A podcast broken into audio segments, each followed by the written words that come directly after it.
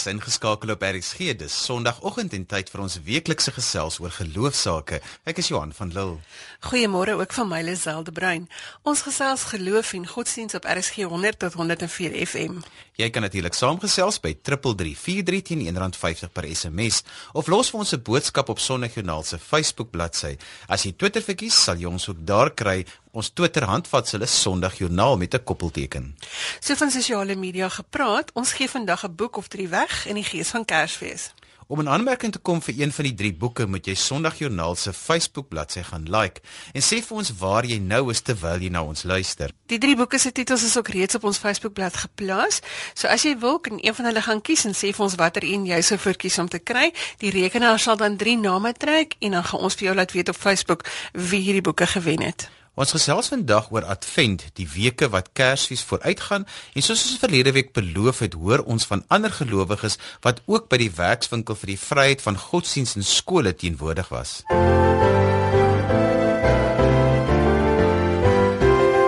Dr Gerard Botma is van die Pietersburg omgewing en sluit vanoggend by ons aan om 'n bietjie te gesels oor die afteltyd na Kersfees, die Adventtyd. Goeiemôre Gerard. Goeiemôre Zel, goeiemôre luisteraars. Gerard, ek moet noodwendig net eers vir jou vra, wat is die kerklike jaar en waar kom dit vandaan? Die kerklike jaar is 'n uh, hulpmiddel wat um, oor die jare heen ontwikkel het en vandag nogal deur baie verskillende kerke of deur individuele Christene gebruik word om basies tyd in te rig um, op 'n manier sodat ons Christus die hele tyd reg deur die jaar in ag neem. Daar's nêrens wat regtig besluit gesê hier moet 'n kerklike jaar wees nie.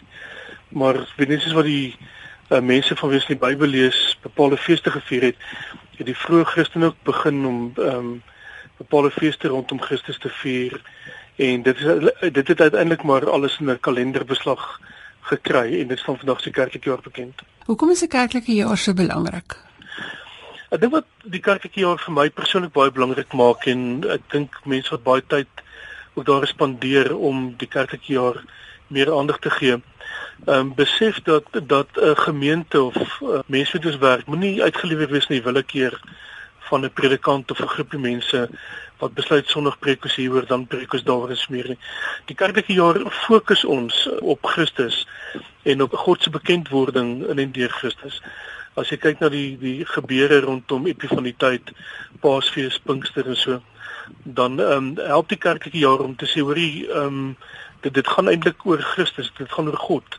Ehm um, nie oor ander behoeftes, faktuele sake en so meer op 'n Sondag nie. Dit is dan lekker dit maak dat ons in die Weskaap saam met die ouens in Limpopo oor dieselfde onderwerp kan gesels want ons is op dieselfde tyd op dieselfde plek.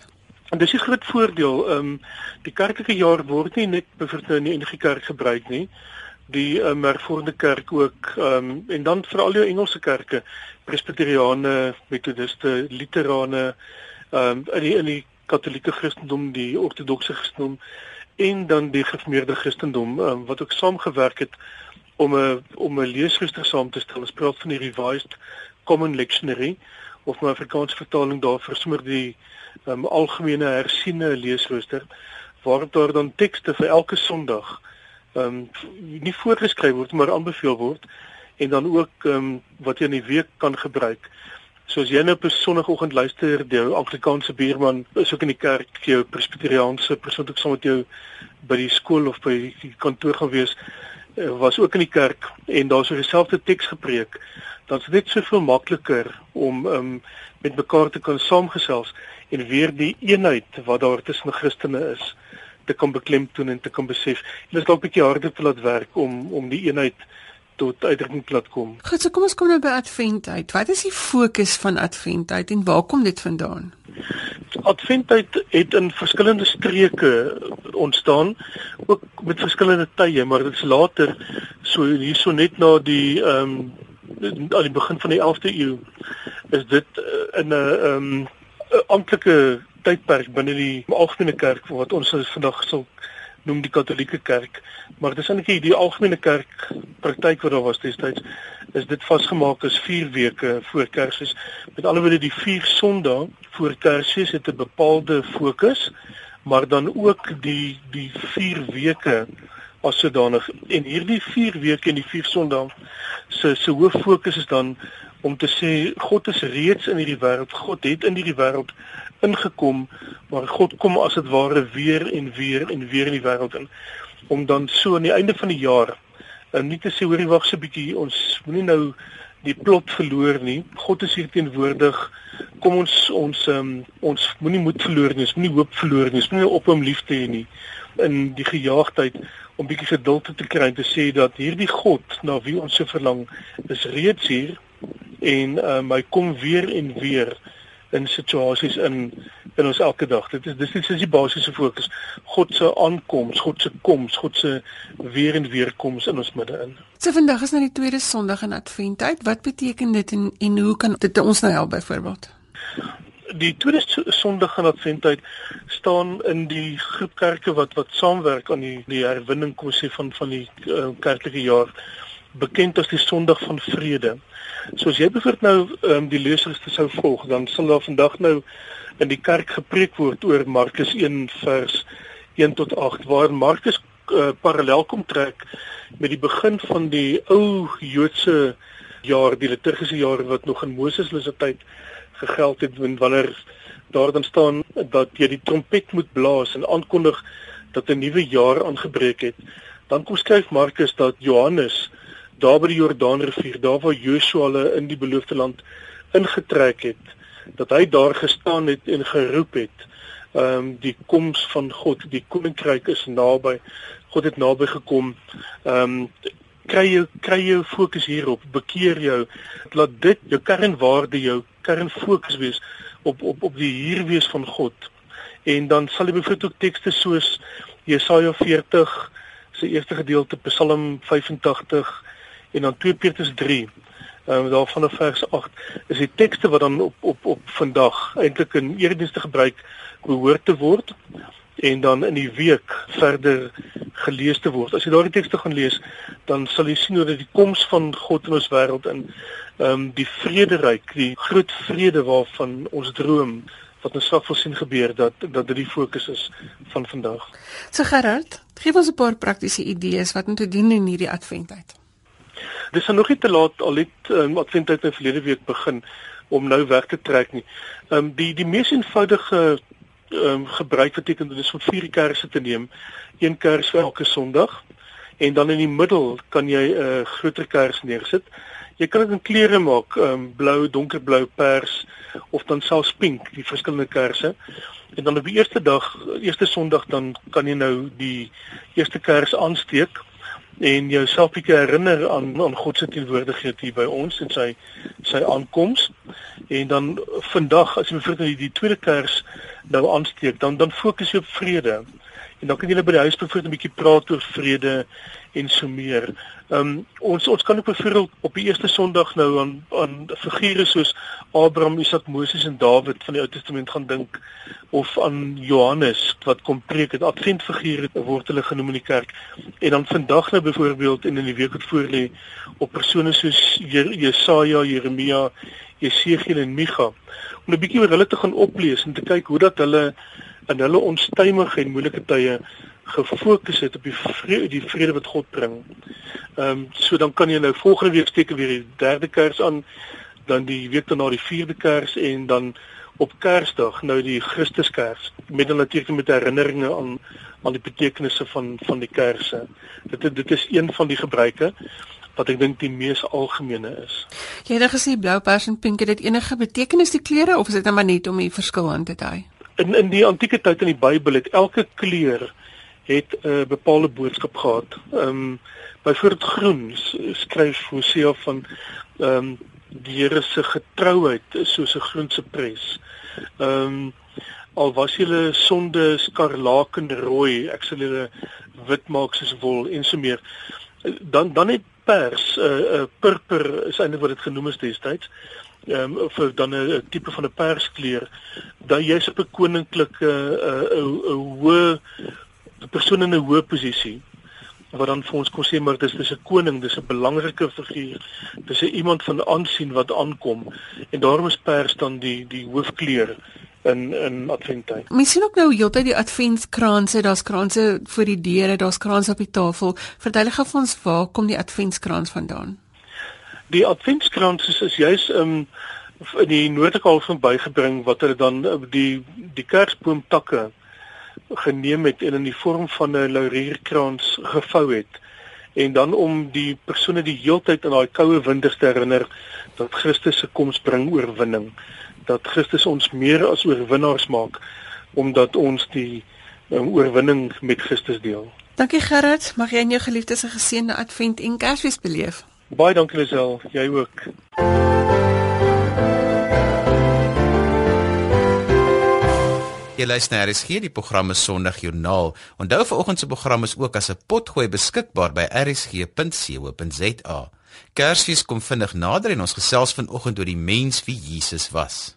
Professor Renny Stander is verbonde aan die Universiteit Pretoria en ons gaan vanoggend so 'n bietjie gesels oor emosionele intelligensie en veral dan nou hier oor Kerstyd wat almal so mekaar se spasie is. Goeiemôre Renny. Goeiemôre Lisel. Goeiemôre ook luisteraars. En kom ons spring weg en ons sê wat is emosionele intelligensie? die begrip emosionele intelligensie is eintlik relatief nuut. Dit was eers hier so in die ongeveer 1990 wat sielkundiges vir die eerste keer hierdie term in publikasies begin gebruik het. Maar ek dink dit het vir die eerste keer werklik bekend geword op die wêreldkaart geplaas deur Daniel Goleman toe hy 'n boek geskryf het met die titel Emotional Intelligence. So, maar wat is dan nou emosionele intelligensie? Weet dit is die vermoë om emosies waar te neem. Dit is die vermoë om emosies te kan verstaan, om kennis te hê van emosies, om emosies te kan bestuur en uh om emosies te kan hanteer, ja, om emosies te kan raak lees ook. Ek dink byvoorbeeld aan kinders op skool, weet ons leer hulle allerlei feite, maar ons leer hulle nie altyd hoe om emosies te kan lees nie. Hulle kan nie altyd sien en beleef om as hulle maats byvoorbeeld hartseer is nie of hulle kan ook nie altyd hulle eie emosies verwoord nie. En emosionele intelligensie is wanneer jy uh, mekaar se emosies kan kan raak lees, jou eie emosies ook kan verstaan, dit kan verwoord en ehm um, ja, dan word jy emosioneel intelligent. Ek het al gesien hoe Christene mekaar in die hare vlieg iets verskrikliks as 'n mens nou 'n meningsverskil het of as jy 'n bietjie anders glo as iemand of as jy oortuiging 'n bietjie anders is. Hoekom is dit vir ons so noodsaaklik om emosioneel intelligent te wees vir alles wat by godsdienst kom? Wel, kom ons begin eers sommer in die algemeen in die daaglikse lewe. Jy weet Goleman beweer in sy boek dat IQ vir omtrent 20% van sukses in die lewe verantwoordelik is en dat die res van sukses is afhanklik van emosionele intelligensie en ek dink dit is inderdaad die waarheid want ehm uh, emosionele intelligensie is uh, belangrik aan verhoudings selfs in jou eie gesondheid vir jou eie gesondheid vir jou eie energie want dit gaan oor hoe jy jou emosies bestuur hoe jy stres bestuur. So dit gaan ook oor beroepsukses en selfs om suksesvol 'n uh, ouer te kan wees en um, om beter lewenskwaliteit te kan hê. Ja, en dan ook beslis om op godsdienstige vlak ook vir mekaar ruimte te kan laat, mekaar te se vertrekpunte probeer verstaan en ehm um, as daar verskille is dit op 'n intelligente wyse te kan hanteer. Ek meen mense hoef net in ons alledaagse lewe te kyk. Jy weet al hierdie padwoedes wat ons het byvoorbeeld, mense wat uit die motor uitklim en mekaar met so met 'n golfstok slaan of so aan. Dis alles voorbeelde van mense wat nie intelligent, emosioneel intelligent optree nie. Dis nou Kersfeestyd en ons fokus suiwer op Jesus as die kind wat vir ons gebore is. Kan 'n mens hierdie moderne begrip ook op Jesus se lewe en optrede gaan toepas, dink jy? Weet jy, Lisel, as mense praat oor die Bybelse wêreld en oor die antieke wêreld, dan lê hulle altyd klem daarop oor hoe verskillend hierdie antieke wêreld is van die moderne wêreld. Jy weet en hulle fokus op die feit dat die antieke wêreld nie dieselfde tegnologie gehad het nie en totaal ander kulturele waardes en so aan. En dit is seker seker sekerlik waar. Maar weet jy, ek lees antieke tekste, Griekse en Latynse tekste en dan tref dit my altyd hoe dieselfde die wêrelde is, die antieke wêreld en die moderne wêreld. Dat ook die antieke wêreld, jy weet, het dinge geken soos liefde en haat en jaloesie, woede, verhoudings geken en dan besef 'n mens maar net weer dat hierdie twee wêrelde eintlik baie meer met mekaar in gemeen het as wat ons dikwels dan ook ehm um, erken. Natuurlik moet 'n mens sê dat ons as ons na die Bybel kyk, en byvoorbeeld na die evangelies, dat jy eintlik weet biografiese vertellings het van Jesus en ehm um, vir ook verskillende vertellings vanuit verskillende perspektiewe. 'n Mens moet daarmee rekening hou dat, dat ons nou nie presies hier luister na Jesus nie, maar dat ons luister na mense wat vertel wat hulle van Jesus beleef het of 'n uh, studie gemaak het oor Jesus se lewe. Daar is tog 'n paar gevalle waar ons lees dat hy empatie getoon het, nê? Nee? Dit heeltemal reg. Liefde is 'n baie belangrike emosie en wat maak Jesus se liefde so besonder? Dit is in die eerste plek baie besonder omdat hy baie verder gegaan het as wat dit in die uh, algemene wêreld was. Jy weet baie meer ehm um, jy weet in die algemene samelewing van sy tyd het mense gesê wel ja mens moet lief hê maar jy hoef nou nie jou vyande lief te hê nie. Dan vat Jesus dit 'n tree verder en dan sê maar jy moet ook vir jou vyande lief hê. Natuurlik baie moeilik om liefde altyd te kan uh definieer. Jy weet wat presies is nou liefde maar jy kry ook intelligente liefde en natuurlik onintelligente liefde. Jy weet baie keer onintelligente liefde is wanneer jy so gedryf word deur jou liefde vir iemand dat jy uh, onintelligent optree, miskien gaan verraak neem of so. Intelligente liefde is natuurlik as jy 'n mens se lewe kan bou en kan omgee vir mekaar en so aan. En nogal interessant nê nee, dat uh, in hierdie opsig is Jesus se uh, optrede baie anders as wat dit in die antieke wêreld in die heidense wêreld was uh, want in die heidense wêreld is geglo dat gode nie uh omgee of jammerte het nie. Jammer kan kry vir iemand nie. Hulle het gedink uh, om jammer te wees vir iemand beteken dat jy die persoon eintlik beheer het oor jou. Die persoon verkry beheer oor jou emosies. So daarom was uh om jammer te kry vir iemand wat ook 'n faset is van lief wees is natuurlik was dit nie as 'n deug beskou nie. Maar kom ons by Jesus dan sien ons dat hy baie keer jammer gekry het dat hy liefde uitgeleef het. Jesus sê ook dat sy gebod van liefde 'n nuwe gebod is, nê. Nee, hy sê dit onder andere lees ons in Johannes 13 vers 34, dan lees ons dat Jesus vir sy disippels 'n nuwe gebod gegee het dat julle mekaar moet lief hê. Nou wonder mense maar wat is nou so nuut in hierdie gebod? Want ek bedoel ons lees dit tog ook in Levitikus. Levitikus 19 vers 18 sê ook dat jy mag nie wraak neem of vergrief koester nie, jy moet jou naaste lief hê soos jouself. Maar Jesus het natuurlik iets bygevoeg, soos ek julle liefhet. So dit word 'n nuwe motivering waarom ons vir mekaar moet lief hê. 'n Totale nuwe motivering vir hierdie uh, liefdesgebod en in daardie opsig is Jesus se liefde dan uh, baie anders en soos ek gesê het hy trek dit verder deur deurdat hy ook Ja, dit sê ons moet selfs ons vyande lief hê. En nie dat ons laasens net gou vinnig kan stil staan by blydskap. Kersfees is 'n tyd van blydskap en vreugde. Ons kuier en ons gesels.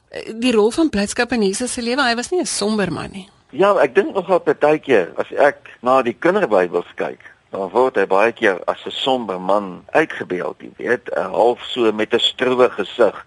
Nou ek weet dat die kinderbybels natuurlik nie ons bron van kennis behoort te wees ons bron van kennis van Jesus nie, maar ek dink dit het tog baie keer by mense 'n prentjie laat want dit is hoe Jesus lyk dat hy maar altyd somber is en nie eintlik kon glimlag nie en so aan jy weet. En in godsdienst word ook baie keer as beskou as iets wat vreeslik ernstig is. Interessant dat uh, wanneer ons uh, lees in die Bybel Nuwe Testament onder andere oor Jesus dan uh, lees ons in Lukas 10 vers 21 ook van die blydskap van Jesus. Trouwens die die opskrif in party Bybelvertalings, jy weet ek die opskrifte is natuurlik nie deel van die oorspronklike teks nie, maar die opskrif in sekere vertalings Lukas 10 vers 21 is dan ook die blydskap van Jesus en dan lees ons daar van Jesus wat dit uitgejubel het en so aan.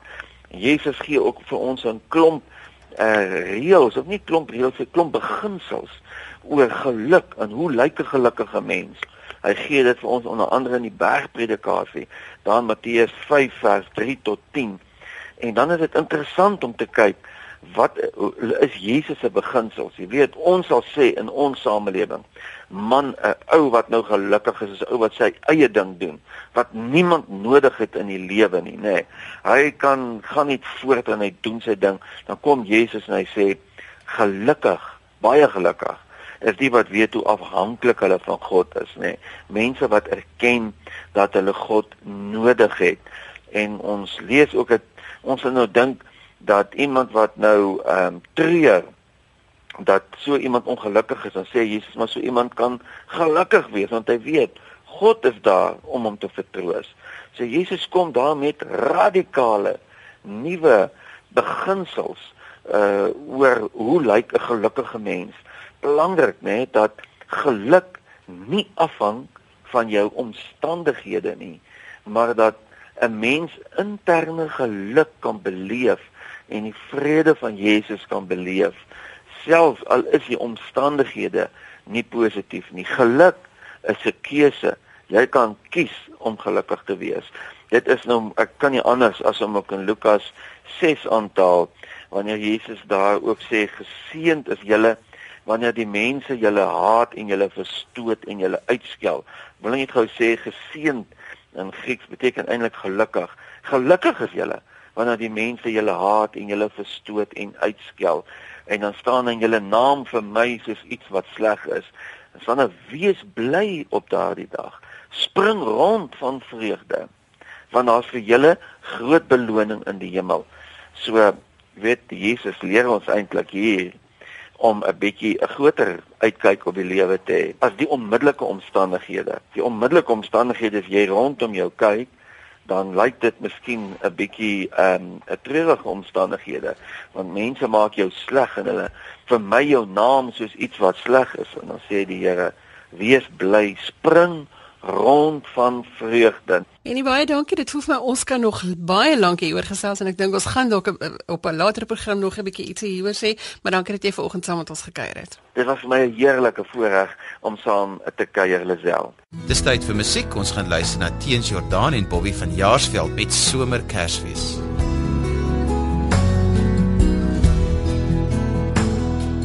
Welkom o stille nag van vrede onder die suiderkruis.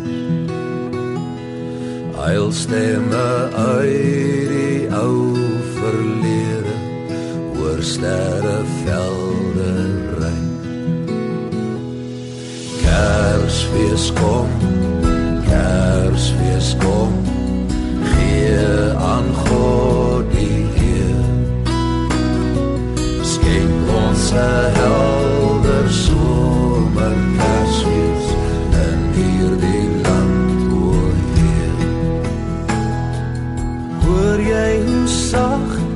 klokke baie in uwe ouwe taal. Kyk selfs die nachtelike swaai vertel die ou verhaal. Kersfees kom Kersfees kom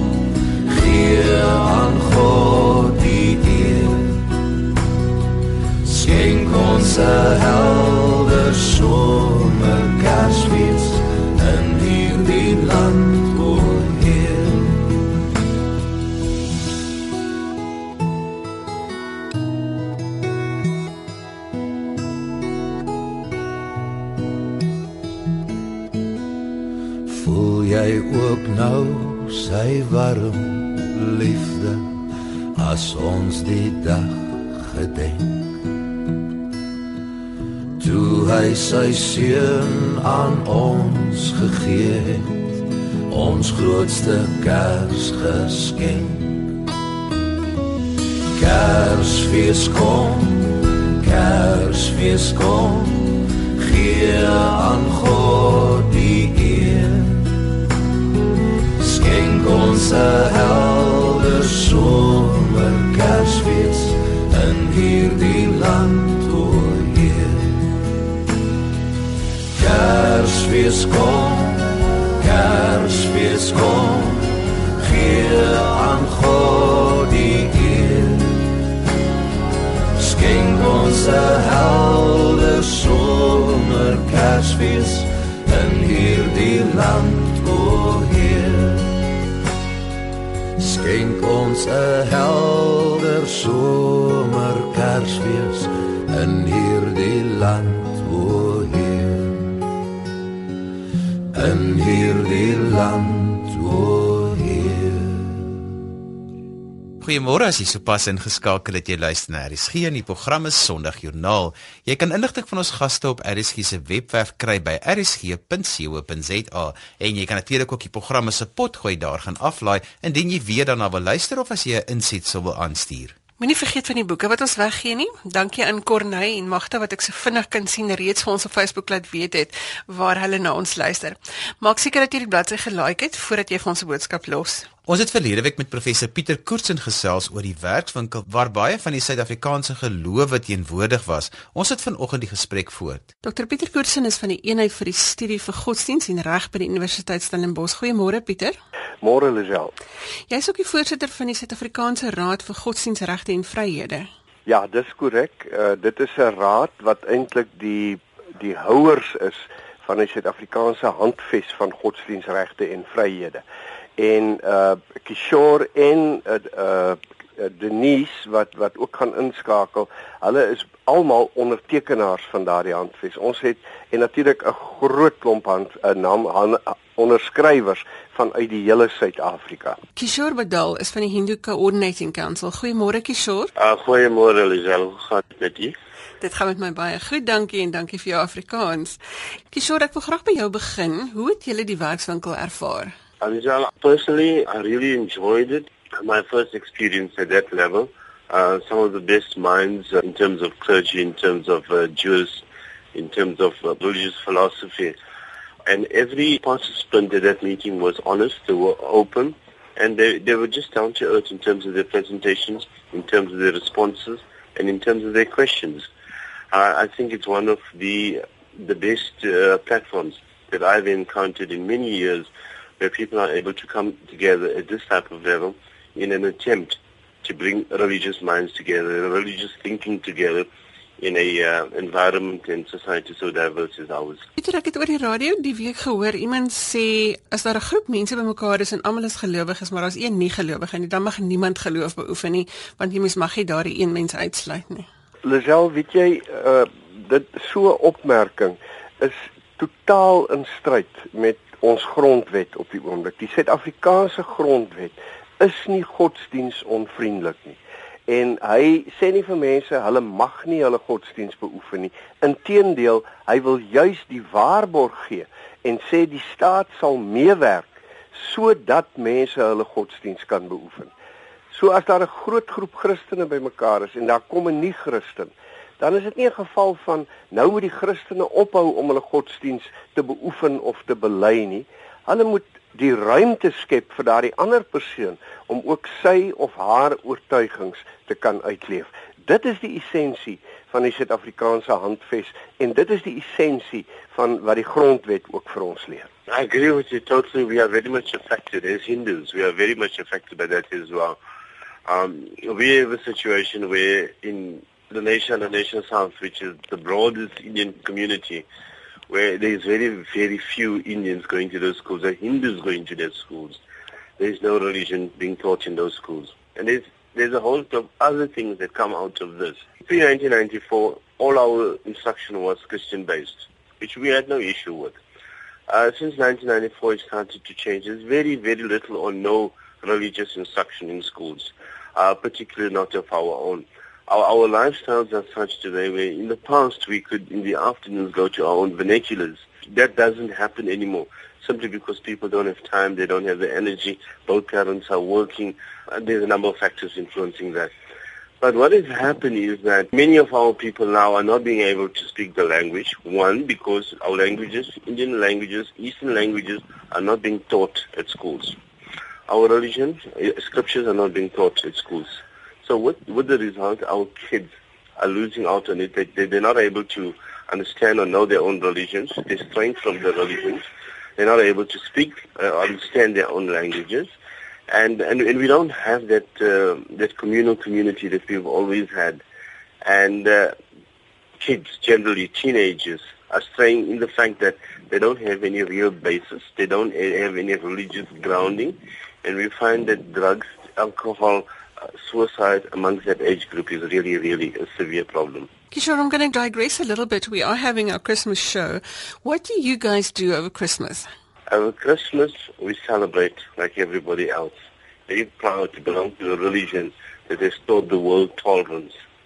And uh, as Hindus, we're able to uh, to show tolerance and be tolerant to almost every other belief and tradition and religion. So we celebrate. We celebrate with everybody else.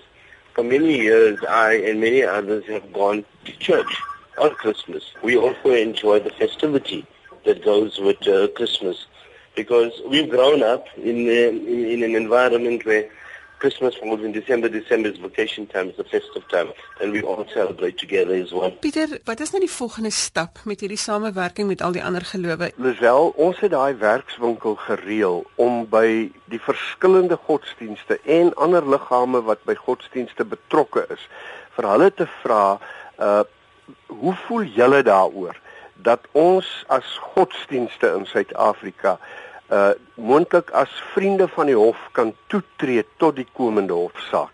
Nie om vir enige van die partye kant te kies nie, maar doodgewoon om jurisprudensie uh hofuitsprake te vestig wat uh, bevestig dit wat in artikel 15 van ons grondwet staan. So en, en ons het by daai werkswinkel 'n uh, totale eensstemmigheid gekry by die godsdienste van ons wil godsdiens en godsdiensbeoefening in skole hê. En nou moet die Suid-Afrikaanse Raad van Godsdienstregte en Vryhede moet hy besluit gaan ek nou hierdie uh gewellige sterk ondersteuning verder neem en toetree as 'n vriend tot die hof en uh ons sal met kosteberamings maak al daai soort van goed maar ek dink dit is nou die volgende stappe wat voorlê en en dan kan ek as 'n tweede ding noem dat ek hoop dat in die toekoms wanneer daar weer uh, sulke aktuele aangeleenthede soos godsdienstonderrig of wat ook al na vore kom dat die godsdienste weer eens so sal kan saam staan en sê dit is ons gevoel in die verband en dit is waarvoor ons vra. Ons sê nie dat ons daarmee almal met mekaar in alles saamstem nie, maar hier is 'n saak wat ons almal raak en ons wil graag een stem daaroor laat hoor. Pieter Kishore, baie dankie vir die saamgesels vanoggend. Ons wens vir julle 'n geseënde Kersfees toe. Dankie Lisel en vir julle ook, hoor. Thank you, uh, Professor, for me being a pleasure and honor to participate in this program.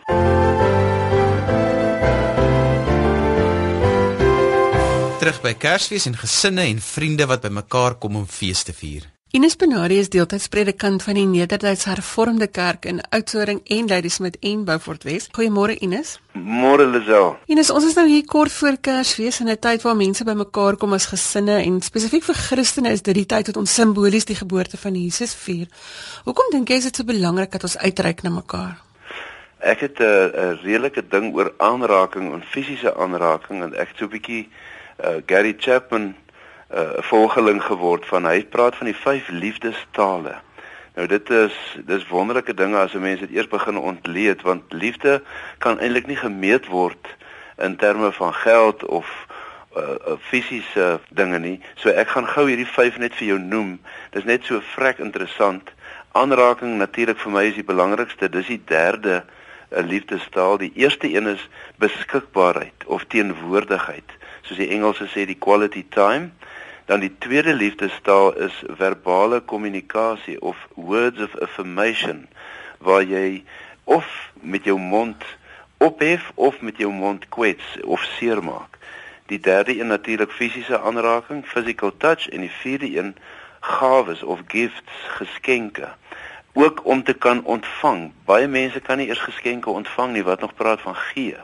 En die vyfde een dienslewering of diensbaarheid acts of service nou hierdie hierdie vyf liefdestale kan 'n mens ontwikkel. Gesels met ons oor die uitreik en die aanraking. Ek het 'n ding oor aanraking en ek wil vir jou amper sê dis ons vyfde sintuig wat die minste in sy volle potensiaal gebruik word want ons hele lyflikheid is beskikbaar. Uh, jy weet ek het so 'n bietjie opgelees oor 'n mens se se sensitiwiteit op jou vel. Nou ons voetsole is die heel minste sensitief. Dit neem omtrent 250 gram drukking per vierkante millimeter om daar iets te voel. Maar die agterkant van jou hand is veel 'n minder gram nodig, 120 en dan jou vingerpunte is slegs 30 gram. So jy voel en jy vat met baie min om daarvan bewus te raak dat iemand of iets aan jou raak. En as die mense my nou nie glo nie, dan wil ek vir hulle sê gaan staan in 'n huisbak en en voel hoe daardie sensitiwiteit ontwikkel. Jy weet onmiddellik as iemand aan jou raak. Uh, ek het so rukkie kans gehad terug om in die uh, kerkbode te skryf oor fisiese aanraking en en dit is die een ding wat ons meer kan doen van. Jy weet as 'n mens kyk na die kultuurgroepe, die Engelse vat baie minder aan mekaar as die Italianers byvoorbeeld. En 'n drukkie is 'n spontane ding, nee. Mense, dit is wat hulle doen. Hulle hulle reik uit na mekaar en gee mekaar 'n drukkie. Verseker. En en ek dink die hele ding van prinses Diana, die die prinses van Wales wat so gewild was, was omdat sy kon uitreik en aanraak. Sy het nie net aangeraak nie, sy het gekniel, sy het gebuig, sy het gaan sit by mense. Sy en Moeder Teresa en al hierdie mense wat 'n mens van rolmodelle graag wil maak uh, want die lewe het so 'n tekort aan rolmodelle, so 'n tekort aan liefde. Daar word gesê in die Tweede Wêreldoorlog was die wesies wat in hospitale opgeneem is waar die hospitale oorvol was en die kinders nie fisies aanraking ervaar het nie, was hulle sieker en het gouer dood gegaan. As die kinders waar daar minder van teenwoordig was en daar meer aan hulle kon geraak word. Dis interessante goed hierdie. En is en dan is daar nou natuurlik heelwat voorbeelde in die Bybel waar Jesus ook uitgereik het en mense aangeraak het. Absoluut. Ek ek het net gisterand met 'n kerssangdiens het ek 'n pragtige foto gehad van van 'n hand wat 'n wat 'n ehm ehm so 'n skep vat uit uit die grond uit en en die die die grond wat val deur sy vingers uh, en die volgende skyfie was waar Jesus Christus met sy spuug van daardie grond vat en dit aan die oë van die blinde smeer. Want dit is vir my die die fisiese bymekaar kom van die goddelikheid en die menslikheid waar die stof en die spuug van God die lewenssap van van God ehm um, teenwoordig is en en visie kon veroorsaak, jy weet. En mense getuig dat hulle die krag uit hom uit kon voel vloei wanneer hy aan hulle geraak het. Hy het natuurlik ook geweet, hy het geweet daar's iemand wat aan my raak. Al was dit net aan sy soem, het hy besef hier's hier's nou hier's nou iets om besig om te gebeur met my. En is in hierdie tyd van Kersfees waar families bymekaar is, wat gaan ons vir mense sê oor aanraking en spesifiek Jesus se aanraking en spesifiek die boodskap rondom Kersfees? Ons moet ons inskerp om ons eh, by ons oë, neuse, monde en ore verby te beweeg en die wondergawe van aanraking aan te gryp. Die krisis is natuurlik net dat daar ook ontoepaslike aanraking is. As 'n mens nou dink aan hoe 'n groot krisis die Katolieke Kerk het op die oomblik Vader Kersfeeste wat vir verkeerde plekke vat. Dis amper half skokkend, jy weet dat dat dit wat die objek van liefde word, ook die objek word van vermyding. Ehm um, maar dat ons binne gesinsverband en die en die veilige hawe van ouers en kinders en familie dat ons aan mekaar sal raak. Uh, ek vra ook leef net van dag tot dag, vergeet van die verlede. Uh, die toekoms is in die Here se hande en solank as wat ons aan mekaar kan vat, so asof ons by mekaar se sterfbeddens is, die meeste wat ons vir mekaar daar kan gee, is 'n uitreik en 'n aanraak. Kom ons raak aan mekaar, kom ons hou mekaar vas, kom ons gee mekaar drukkies. Dis daai fisiese by mekaar wees aanraking. Soos jong geliefde paartjies. Uh moet ek moet ek vir jou sê ek self raak en voetval raak so min. As my vrou aan my raak met haar voetsool in die nag dan vra ek vir haar wat wil jy nou weer? Jy weet so kom ons gee vir mekaar meer van ons lyflikheid. Dit was 'n Dominus Benari wat so 'n bietjie met ons gesels het oor aanraking in hierdie tyd van Kersfees waar families bymekaar is. En is baie dankie dat jy vanoggend saamgesels het. Dis my plesier Lisel, 'n geseënde Kersfees vir almal. Dankie en vir julle ook. En daarmee is ons kuier so te sê op 'n einde. Ons gee die laaste woord soos gewoonlik vir Janie Leroux. Lisel, ek het die afgelope week 'n bietjie gelees oor die ontstellende geweld teen vrouens en kinders. In 'n stadium voel 'n mens, Here, hoekom laat U so iets toe? En watter soort wêreld leef ons waar so iets moontlik is? Toe besef ek weer, dis nie God se skuld of sy verantwoordelikheid nie. God het ons as mense geskep met 'n keuse.